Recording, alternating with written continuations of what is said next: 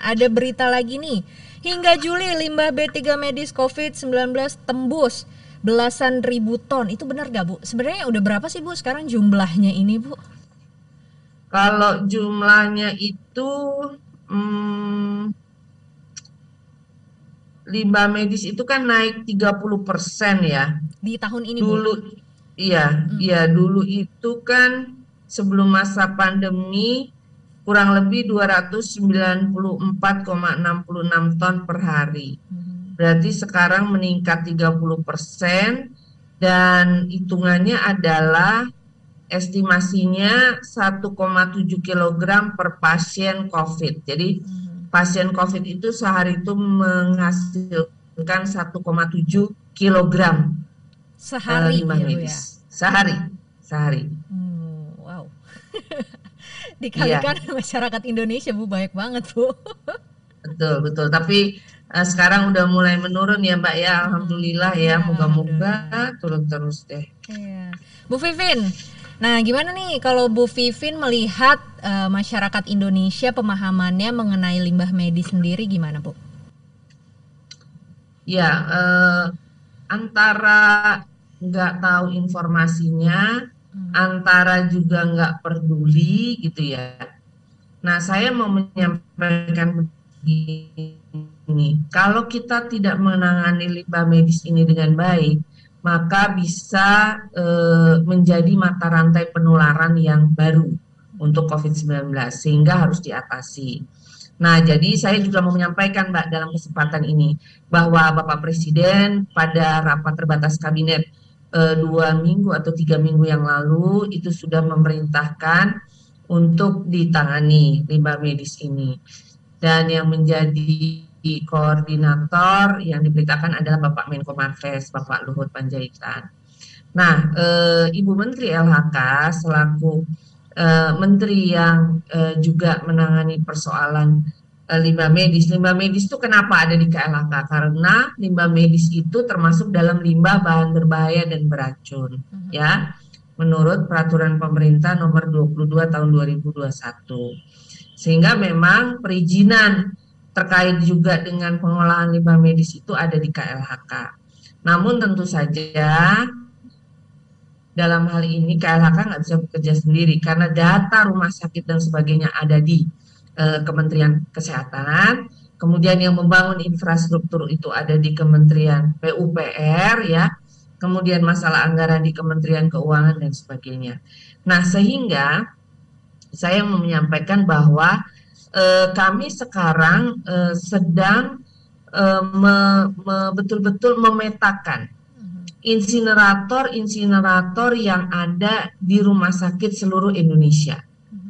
Jadi eh, dari catatan eh, dari catatan Kementerian Kesehatan itu ada kurang lebih eh, eh, insinerator yang eh, sekitar berapa ya kemarin datanya? Eh, kurang lebih dua dua dua ratusan insinerator yang kemudian ada tapi belum berizin, Mbak. Mhm. Nah, itu yang sekarang sedang kami susuri. Mhm. Itu satu. Kemudian juga eh, jasa semen, sorry, eh, semen, pabrik semen. Itu ada 12 atau 13. Kemudian ada jasa pengolah limbah B3, itu juga kami petakan. Sehingga diketemukan peta seluruh Indonesia di mana yang belum ada sama sekali eh, insinerator untuk memusnahkan limbah medis. Nah, daerah itulah yang nanti akan juga diberikan bantuan untuk insinerator.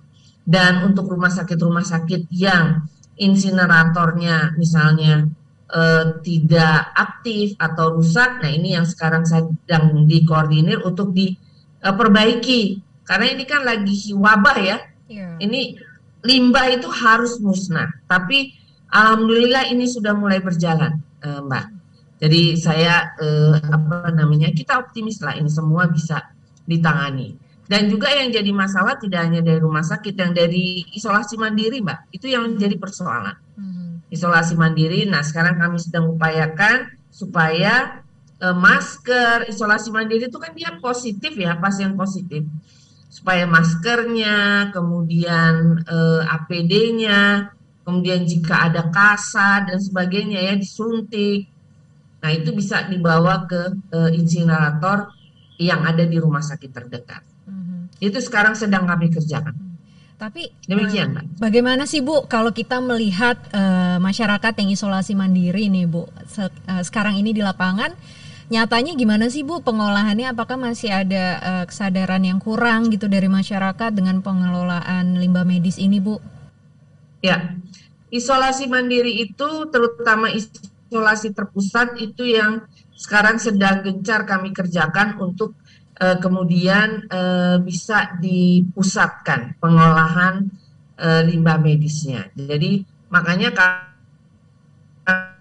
kami harus bekerja sama dengan daerah, dengan gubernur, dengan bupati wali kota.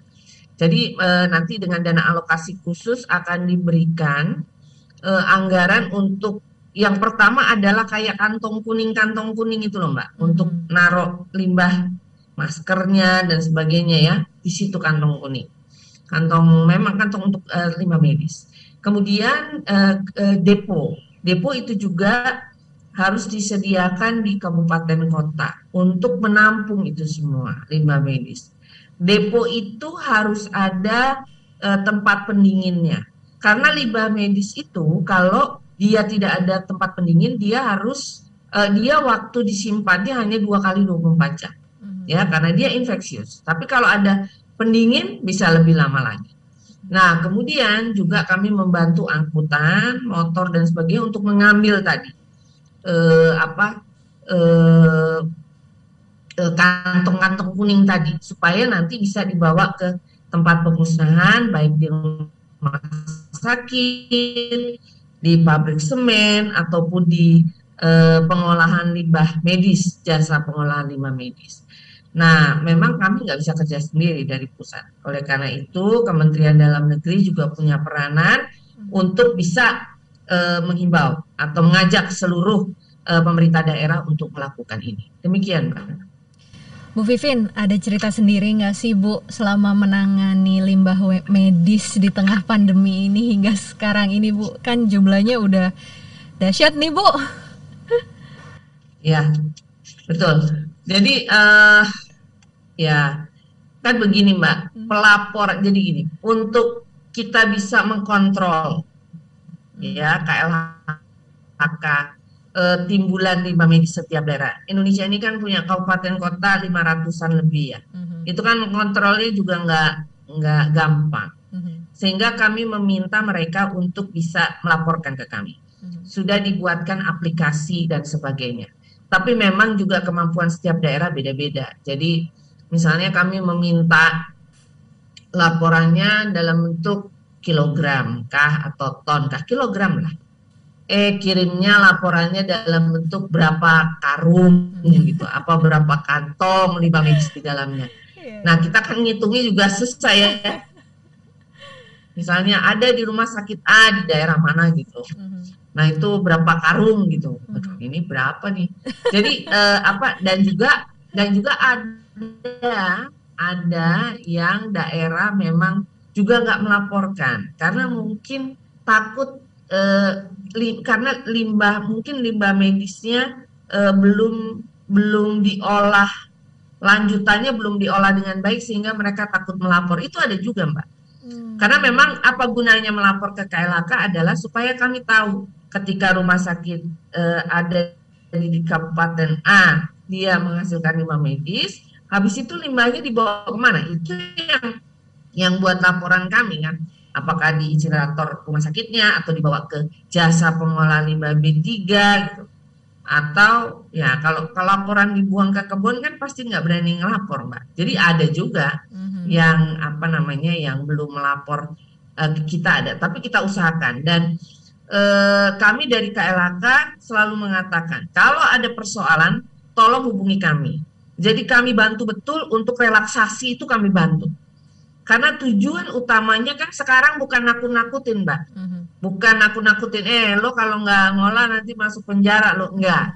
Tapi ayo kita duduk bareng, apa persoalannya di daerahmu? Oh, nggak ada insinerator misalnya di Kabupaten A. Ayo coba kami bantu cek ada rumah sakit mana terdekat yang bisa bantu untuk uh, membakar uh, limbah medisnya. Jadi ya itu ceritanya Mbak. Uh, ya atau juga karena nggak paham ya, mm-hmm. ada juga sih yang dibuang. Yang dari hotel itu berusaha kami awasi juga, kami sosialisasikan. Karena kan ada berita tuh Mbak waktu itu pernah dengar nggak? Mm-hmm. Petugas laundry dari hotelnya itu kemudian membuang limbah medis itu dari pasien positif COVID oh, iya, yang lagi iya, isolasi, iya. tapi di kebun buangnya. Uh. Nah itu kan, nah, ada juga cerita begitu karena mungkin menganggap itu seperti sampah biasa ya, hmm. padahal itu kan infeksi. Hmm. Luar biasa Bu Vivin, kayaknya Demikian, ceritanya Mbak. banyak banget ya Bu ya.